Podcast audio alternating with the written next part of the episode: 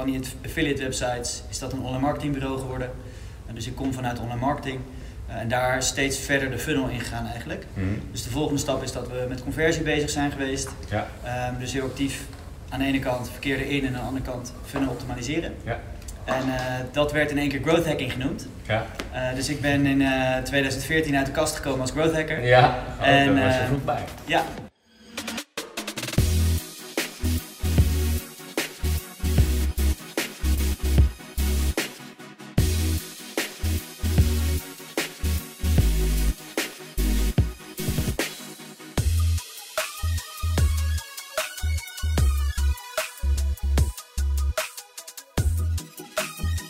Yes, we gaan het hebben over e-commerce funnels. En dat doen we met Ewout Uphoff, als ik goed zeg, van Ja. Polaris Growth.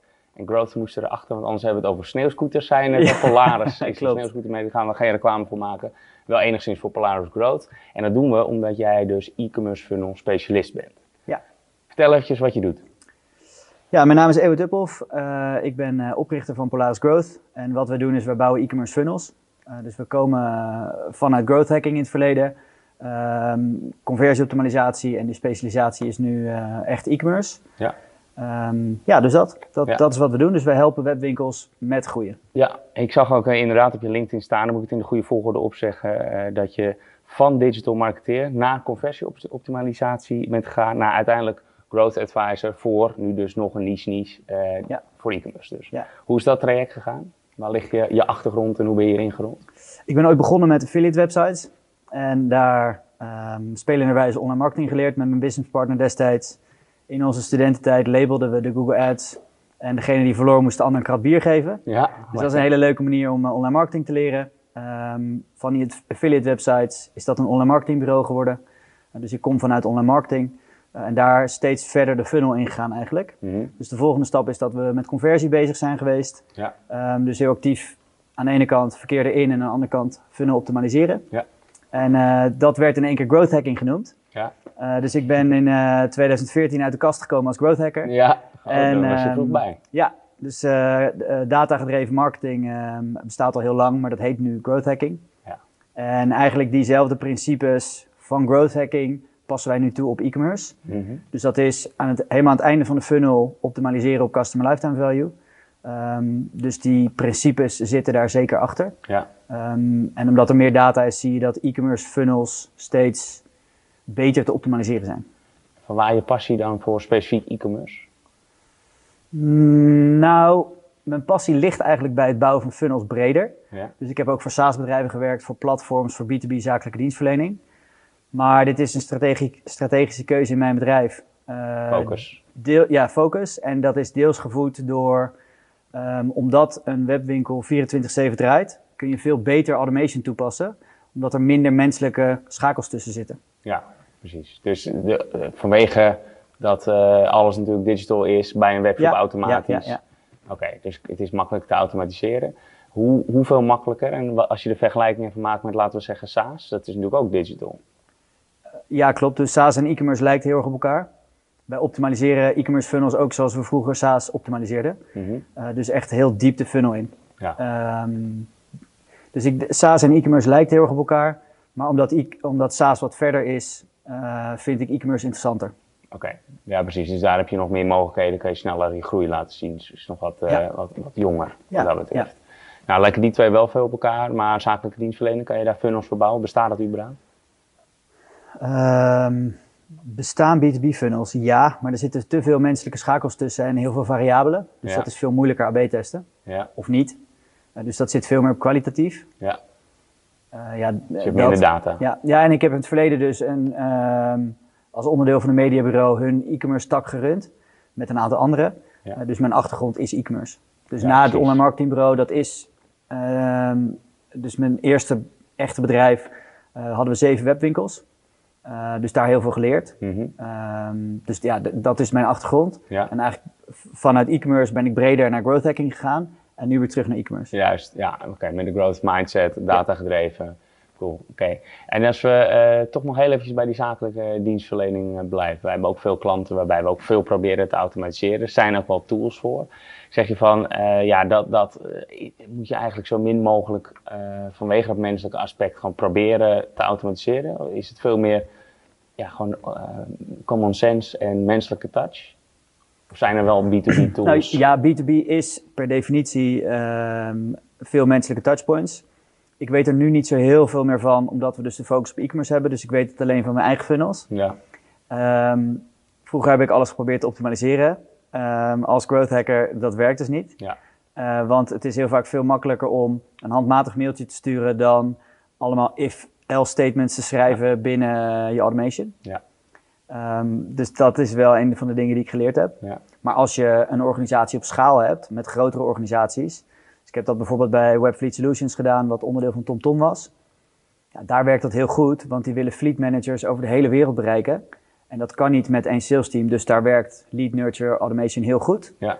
Maar je moet dan wel weten, het moet, het moet al een herhaalbaar proces zijn om dat te kunnen doen. Ja, precies. En de fout die ik heb gemaakt is een proces bedenken en dat meteen automatiseren zonder dat je gevalideerd hebt of dat het juiste proces is. Ja, dat herken ik uh, trouwens wel wat je, wat je zegt. Oké, dan wil ik toch even de afslag uh, e-commerce inderdaad maken en daar eh, verder op inzoomen. Nou, e-commerce kan natuurlijk ook B2B zijn, als in een zakelijke uh, B2B webshop.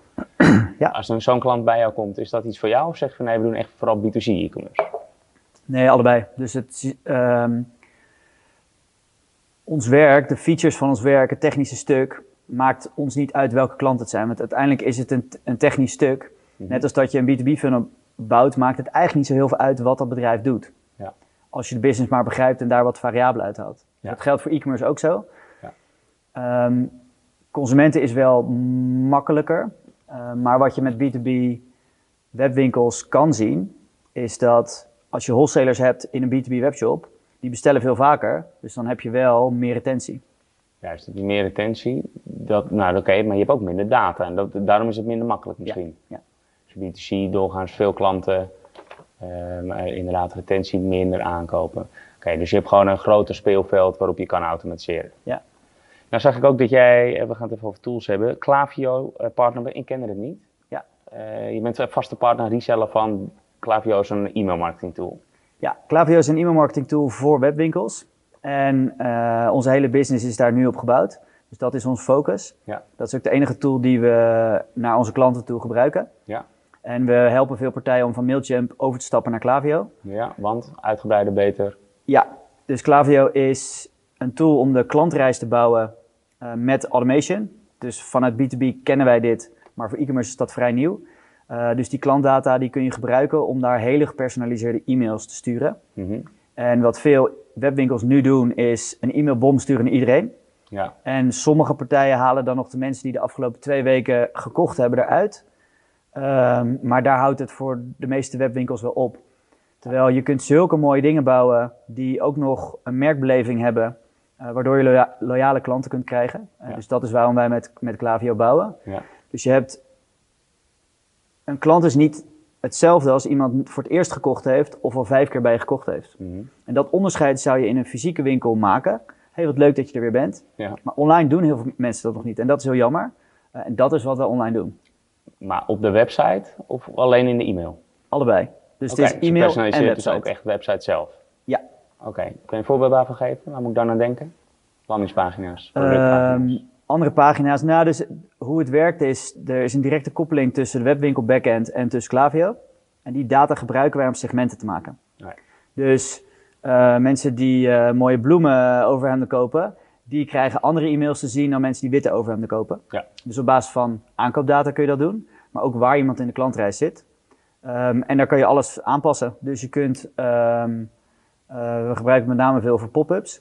En eigenlijk informatie tonen die op dat moment in de, in de reis logisch is. Ja, precies. Oké. En wat automation verder betreft, hè, dan kan ik me voorstellen dat je segmenteert en dat je vervolgens dat ja, moet, uh, er gaat tijd in zitten om dat, dat, dat op te zetten.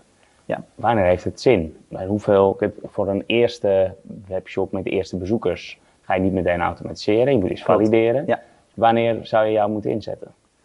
Nou, wat wij voor onze klanten zeggen is dat vanaf 10.000 euro maandelijks omzet dat dit interessant wordt. Ehm, want wat wij zien is dat uit Clavio, gemiddeld bij onze klanten, dat er minimaal 20% van de totale omzet uitkomt.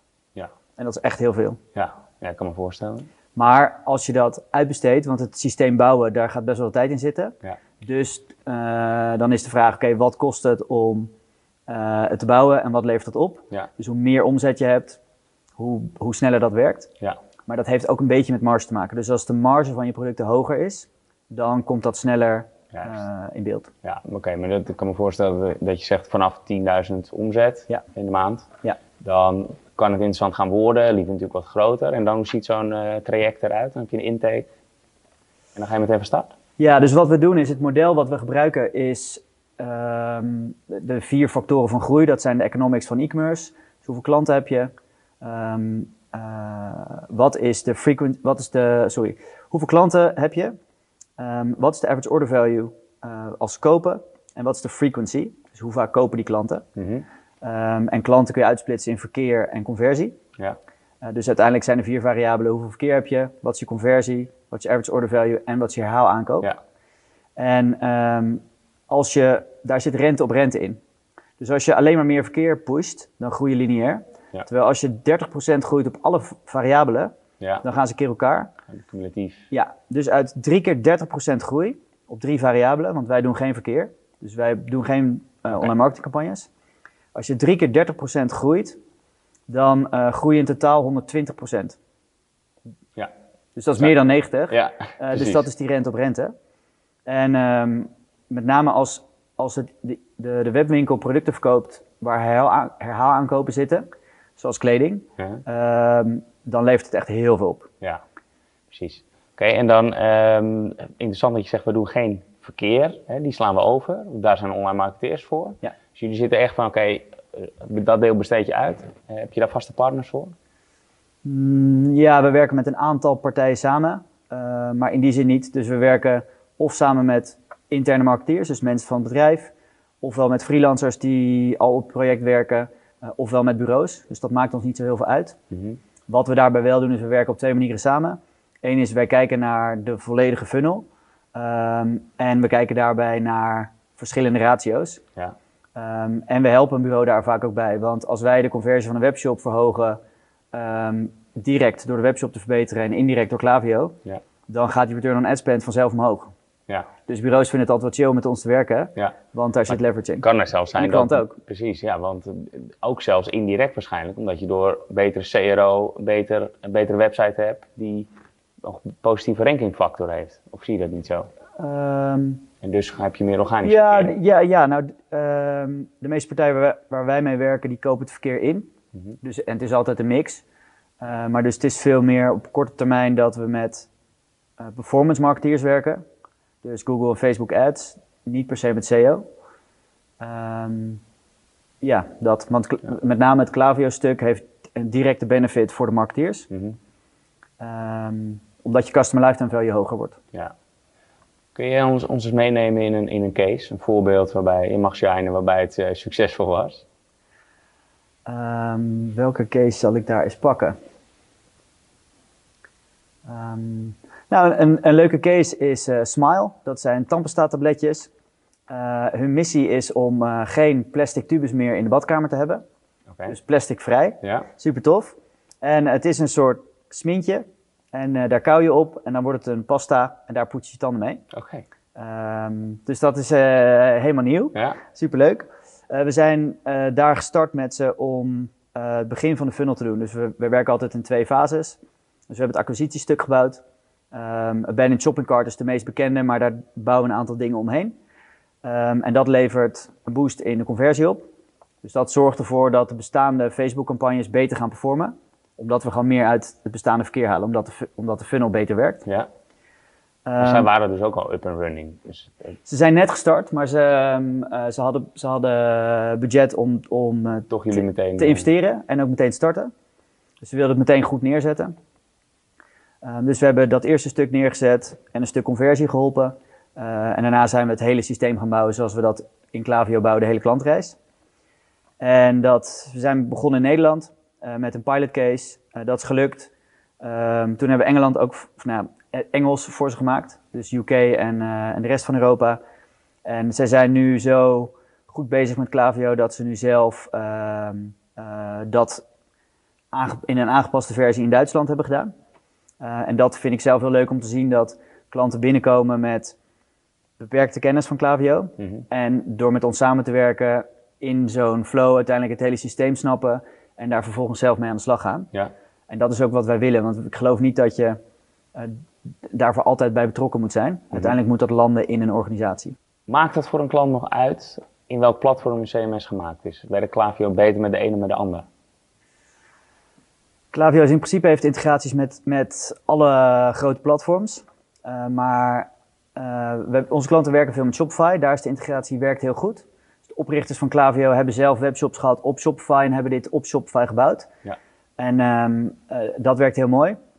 Met anderen werkt de integratie niet altijd even goed. Dus met WooCommerce bijvoorbeeld werkt het niet altijd 100%. Hoe uitzicht dat dan als het niet helemaal lekker werkt? Ja, dat data niet goed doorkomt. Ja. Maar dan gaat het ook qua e-mail of qua landingspagina iets mis. Mm, Dat kan. Dus er zitten geen landingspagina's in. Dus het is de landingspagina's is de webshop. Ja. Dus het is eigenlijk, je hebt twee CMS-systemen. Dus het, het is het CMS van je webshop, dus de backend. En die heeft een directe API-integratie met Klaviyo. Ja. En die klantdata wordt eh, direct gedeeld. Ja. En hoe Klaviyo werkt is, je kunt een trigger gebruiken om iemand in een flow te zetten. En een flow is een serie van e-mails met vertakkingen. Mhm. En ehm, iemand komt in de flow op basis van data. Dus iemand doet voor het eerst een order, dan komt hij erin. Als iemand dan een tweede order doet, wat het doel is, dan wil je dat iemand er weer uitgaat. Ja, anders krijgt hij nog steeds... eh, Anders blijft hij eh, e-mails krijgen. Ja. Ehm, dus het kan zo zijn, als die datakoppeling niet goed is, dat dat signaal niet doorkomt en dat iemand erin blijft. Mhm. Nou, dat is, dat is, die datakwaliteit is essentieel, want het is heel persoonlijk. Het voelt super persoonlijk, maar als je merkt dat het niet meer persoonlijk is, dan is het in één keer, krijg je een soort van backlash, dus dat werkt dan niet goed. Ja. Ehm, de meeste van onze klanten die zitten op Shopify en een aantal op Magento en die integratie werkt heel goed. En dan kun je dus echt die data gebruiken voor hele gepersonaliseerde e-mails. Ja. Heb je daar, ehm, even los van het, eh, het, het type shirt, nog voorbeelden van variabelen die je echt eh, daarin kan zetten? Dus ik kan me voorstellen, first name of course. Maar dan heb je natuurlijk ook de laatst gekochte producten waar weer suggesties uitkomen, moet ik het zo zien? Ja, je, je kunt echt zo gek niet bedenken. Eh, in het geval van Smile ehm, is dat je koopt of een los product. Dus je koopt dan een flesje, een glazen flesje, want we willen geen plastic, Mhm. waar tabletjes in zitten voor twee maanden. Maar dan moet je zelf een, eh, de volgende keer kopen. Ja. Maar ze hebben ook een abonnement. Dus een flow, een flow die we hebben is om mensen uit te nodigen om van een los product, als ze het geprobeerd hebben, naar een subscription te komen. Ja. Eh, dus dat is een voorbeeld. Eh, een ander voorbeeld is dat je ehm, eh, wat voor huidproducten iemand koopt, dat je dat gebruikt in de rest van de flows.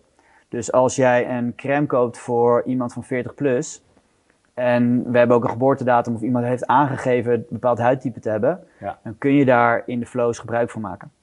En soms is dat impliciet op basis van aankoopdata. Eh Jordi heeft al vijf keer in onze webshop gekocht, dus we sturen hem iets leuks. Maar dat kan ook zijn mensen uit te nodigen met een survey, ehm, of ja, eigenlijk een vragenlijst. Eh, wil, je meer, wil je meer gepersonaliseerde informatie? Vul dan deze drie dingen in en op basis daarvan bijvoorbeeld een kledingstijl of wat eh, koop je make-up of alleen huidverzorging, Ja. dan kunnen we je betere e-mail sturen. Wat is conversiepercentage op zo'n vragenlijst? Doen mensen dat? Eh, dat hangt er vanaf waar je dat in de funnel doet, maar ja. Ja. Ja. Als, als in de helft of eh 1 op de 10? Ja, Dat vind ik last, eh. ja, dat vind ik lastig te zeggen. Ehm, Dat is niet één antwoord dus. nee, nee. Maar het is wel een belangrijk onderdeel bij de, het opbouwen van je funnel en segmenteren dus daarna om natuurlijk veel data te Ja. verkrijgen. Dat kan enerzijds dus uit historische aankopen of misschien wel gedrag, maar dus ook gewoon vragenlijsten die je gewoon inzet. Ja.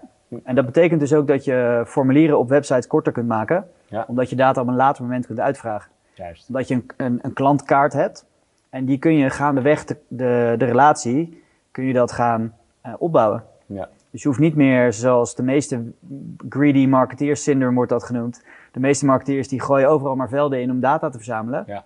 Wat super nice is voor ons als marketeers, Ja. maar het is geen goede klantervaring. Greedy marketeers. Ja. Ja. dus wat je kan doen, is je kan je formulieren korter maken. En de informatie die je nodig hebt om een relatie op te bouwen, die kun je later vragen. Ja. Op twee manieren. Dus één is een formulier.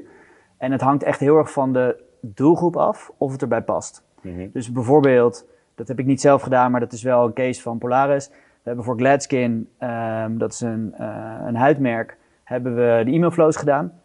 Dus je, eh, daar heb je een huidtype test. Dus je vult dan klik hier om de huidtype test te doen. Daar zitten vragen achter. En op basis daarvan eh, kun je aan de hand van je huidtype of huidprobleem, kun je dan specifiekere e-mails krijgen. Ja. Ja, als je een huidprobleem hebt, dan wil je dat graag oplossen. Dus is die conversie heel hoog. Ja. Maar als het is, er is voor jou geen reden om data te geven, maar ik heb je data nodig, ja, dan is de conversie heel laag. Ja, vooral omdat privacy natuurlijk zo gevoelig ligt. Maar Ja. jij zegt eigenlijk, als je echt een probleem oplost, dat is dus even het mindere geval bij een eh bloemenoverhemdje natuurlijk, maar inderdaad bij een huidprobleem vind ik een pakkend voorbeeld inderdaad. Ja. Alright, En een andere manier om te doen is om eh, linkjes in een e-mail toe te voegen ja. eh, met een ja-nee vraag. Of multiple choice. Dus je kan zeggen, ehm, eh, wil je steeladvies van ons, ja of nee?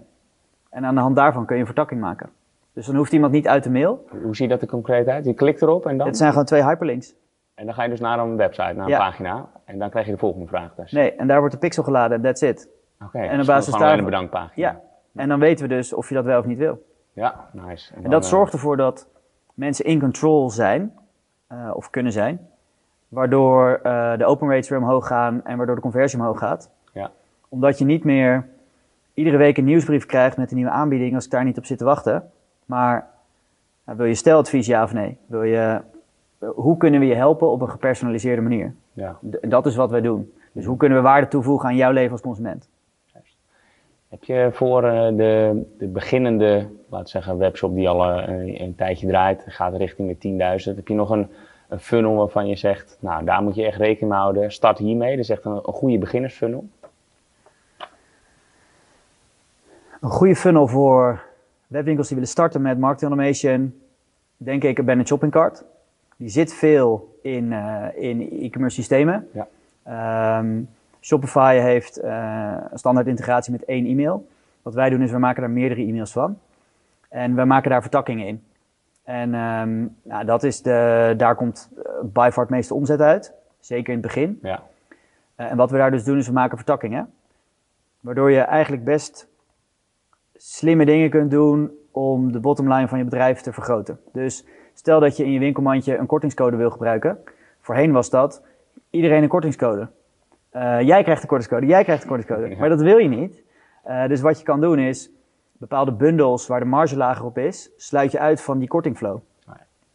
En daardoor ehm, ben je niet met een gemiddelde marge bezig, maar kan je per product of productgroep je marge in stand houden, mhm. eh, waardoor je duurzaam kunt groeien. Maar zo'n abandoned shopping cart is dus, of je moet ingelogd zijn, dan weet je wie het was natuurlijk. Of ze moeten al in fase 2 of 3 van de, eh, van, eh, zodat je je e-mail al ingevuld hebt, Klopt. maar nog niet afgerekend hebt. Ja. Maar je kan niet iets ermee doen als je er geen van die twee hebt, toch? Klopt. Ja, Ja, dus dus je- alleen in die gevallen. Voor, voor alles eh, in Klaviyo heb je een e-mailadres nodig. Ja. En een van de dingen die we ook doen is ehm, list growth. Dus we gebruiken pop-ups en een aantal andere dingen om mensen in te laten schrijven. En ehm, een tip voor marketeers die willen starten is, eh, je hoeft niet altijd korting te geven. Dus veel marketeers grijpen naar het mechanisme van, hier is een kortingscode voor de nieuwsbrief. Mhm. Maar er zijn heel veel andere manieren waarop je waarde kunt geven. Zoals? Zoals alle waarden die je normaal gesproken in een winkel zou geven. Dus klanten die we hebben, eh, die ook winkels hebben, wat zou, een winkel, wat zou een winkel zeggen? Ja, dat is die personal touch die nou net ontbreekt. Maar je zou een eh, welkomstwoordje kunnen doen en eh, een persoonlijk advies geven. Nou, dus voorbeelden zijn kleine dingetjes die je kunt weggeven. Dus we hebben wel eens een pen weggegeven, eh, gepersonaliseerde pen, als je gegevens achterlaat als je gaat trouwen. En dan heb je een trouwpen. Ja. Ehm, Ja. Wat we heel veel doen is lookbooks. Hoe zie je dat eruit? Wat bedoel je daarmee? Eh, dus voor, voor modebedrijven die fotografie hebben, een lookbook van een nieuwe collectie. Ja, oké. Wil je de lookbook in een interactieve versie in je mail ontvangen? Ja. Laat je e-mailadres achter. En doe je ook wel eens iets offline, dus echt iets opsturen? Kan dat een onderdeel zijn van een funnel? Eh, dat doen we nu niet, maar dat heb ik in klanten waar ik in het verleden heb gewerkt wel gedaan. Dat zijn vaak wat grotere webwinkels. Ehm, maar dat, dat kan zeker. Dus als iemand niet meer engaged is, dan zijn er drie manieren om mensen terug te krijgen. Mhm. Vier. Eén is met retargeting. Dus mensen weer toevoegen aan een Facebook audience. Ja. En dat is wat Klaviyo ook doet. Dus je hebt aan de achterkant een koppeling. Dus je kunt segmenten maken. Mensen die geen mails meer openen. Daar kun je een segment van maken en die kun je weer retargeten, zodat ze Ja. toch je shop weer zien. Ja, oké. Ehm, of andersom, je kan ook mensen juist uitsluiten van je Facebook-campagnes. Als ze de mails niet openen, ja, dan moeten we ze misschien ook niet meer met betaalde marketing eh, pushen. Mhm. Dus betaalde marketing is één, eh e-mail is twee en drie is dan eh, offline. Ehm, dus we hebben wel eens, ik heb wel eens een gepersonaliseerde campagne gestuurd, een DM. En dan een kortingscode voor een specifieke persoon en het product wat ze gekocht hadden. In dat geval was dat koffie. Dus als jij een espresso cups drinkt, dan krijg je een espresso aanbieding en iemand anders krijgt koffiebonen. Oké. Ja, oké, cool. Eh, we gaan een beetje naar het eind, maar ik wil toch nog even weten hoe anders Nederland is ten opzichte van andere landen. En als je naar internationaal gaat, moet je dan altijd een custom funnel gebruiken? Of kan je dat in principe eh, dupliceren? Je vraag is als een, een webwinkel naar het buitenland wil gaan. Ja. Of, of je dan dezelfde funnels en instellingen van, eh, van, je, van, je, ja, van je hele systeem, van beide systemen, van Shopify en Klaviyo, me even kwijt. Maar Klaviyo, dus kan je dat gewoon kopiëren? Of zeg je van nee, daar moet je echt even opnieuw naar kijken? Nou, als je naar het buitenland gaat, kun je wel je Klaviyo installatie blijven gebruiken, net als dat je je webshop backend kunt blijven gebruiken. Maar je moet wel dingen aanpassen. Hoe, hoe meer je personaliseert, hoe beter het is. Mhm. Ehm, als voorbeeld, ehm, je zet ook op je webshop verzendvoorwaarden naar een nieuw land. Dus als je België gaat aansluiten, dan wil je wel het tekstje aanpassen. Ja, we verzenden ook naar België. Mhm. Want dat verhoogt je conversie. Omdat die Vlamingen, denk ik in dit geval, zich daar gehoord door Ja. voelen. Precies. Het mooie van Klaviyo is dat je microsegmenten kunt maken. We bouwen soms vertakkingen voor maar 50 mensen. Maar dat bericht past zo goed bij die 50 mensen dat het daardoor zinvol is. Dus als de installatie eenmaal staat, kun je daarna heel makkelijk vertakkingen maken. Ook zelf als marketeer of een content marketeer kan dat doen. Ja, Ehm, en we zouden daar altijd vertakkingen maken voor verschillende landen. precies. Dus die- dat is in die zin toch nog wel eventjes maatwerk. Want je kan het niet meteen één op één overnemen. Zo simpel is het niet. Er komt Ja. natuurlijk veel bij kijken. Onder de instellingen dus. dus dubbel Ja, en dat kan je op twee manieren doen. Dus of je maakt een aparte flow, dus eentje voor België en eentje voor Nederland. Ehm, in, dit voorbeeld geef ik even, want het is allebei Nederlands. Maar dan kan je op basis van het land van de customer, zou je dynamische elementen in een template kunnen aanpassen. Dus je kan dan het adres in de footer en het telefoonnummer laat je dan van de Belgische klantenservice zijn. Ja. Dus zo kan je het doen en dan, dan valt het mee hoeveel je dan moet eh, aanpassen. Terwijl als, ehm, eh, als een andere taal is, dan zou ik wel echt andere flows ervan maken. Maar en is dat dan ook toch nog eventjes omdat eh, bijvoorbeeld Belgen eh, anders gewoon denken, ah, dat sowieso, maar ook omdat ze dus misschien minder pusherig behandeld willen worden qua e-mails bijvoorbeeld. Dus je moet het niet, je moet echt gaan verdiepen in gedrag van hoe zij werken. Ja, cultuur, cultuur speelt zeker mee bij marketing automation. Ehm, dat is in SaaS zo, dat is in B2B zo, maar dat is zeker ook in e-commerce zo. Ja. Ehm, dat is een van de redenen waarom wij zijn, zoals ik het weet, het enige dedicated Klaviyo bureau in Nederland. Klaviyo is nog vrij onbekend, maar in Amerika is dit echt een vlucht aan het nemen. Mhm. Ehm, maar er is een cultuurverschil, dus ook hoe Amerikaanse marketeers zijn. Dus je hebt eh, ClickFunnels, ja, dat, is, dat, i- dat is heel agressief. En er is één e-commerce marketeer die groot geworden is met Klaviyo. En die noemt de eerste flow, die wij de Welcome New Subscriber noemen, noemt hij die, eh, Buy or Die. Oké, Dus op een andere gegeven mindset, moment, ja. wat wij doen in Nederland en in Europa, is we gaan de frequentie afbouwen. Dus ik ga jou, als je op twee mails niet hebt gereageerd, langer ertussen doen. Ja, Hij doet korter ertussen. ja. Dus hij blijft niet. mailen totdat je of unsubscribt of het koopt. Lekker pusherig. En dat werkt in Nederland totaal niet. Ja. Ehm, en onze klanten vinden dat ook wel eng voor, voordat ze starten met marketing automation. Mhm. Ehm, maar die instellingen zijn helemaal aan de webwinkel. Dus je kan dat helemaal laten aansluiten bij waar je merk voor staat. Zowel de inhoud van de e-mails als de frequentie. En ik zou dat zeker instellen op verschillende groepen. Ja. Ja, precies. Oké, cool. Als je nou één tip mag geven tot slot. Als het gaat om e-commerce funnels, wat is jouw ultieme tip? Mijn ultieme tip voor e-commerce funnels is praat met je klanten. Ik kom Letterlijk ook gewoon aanhoren. letterlijk.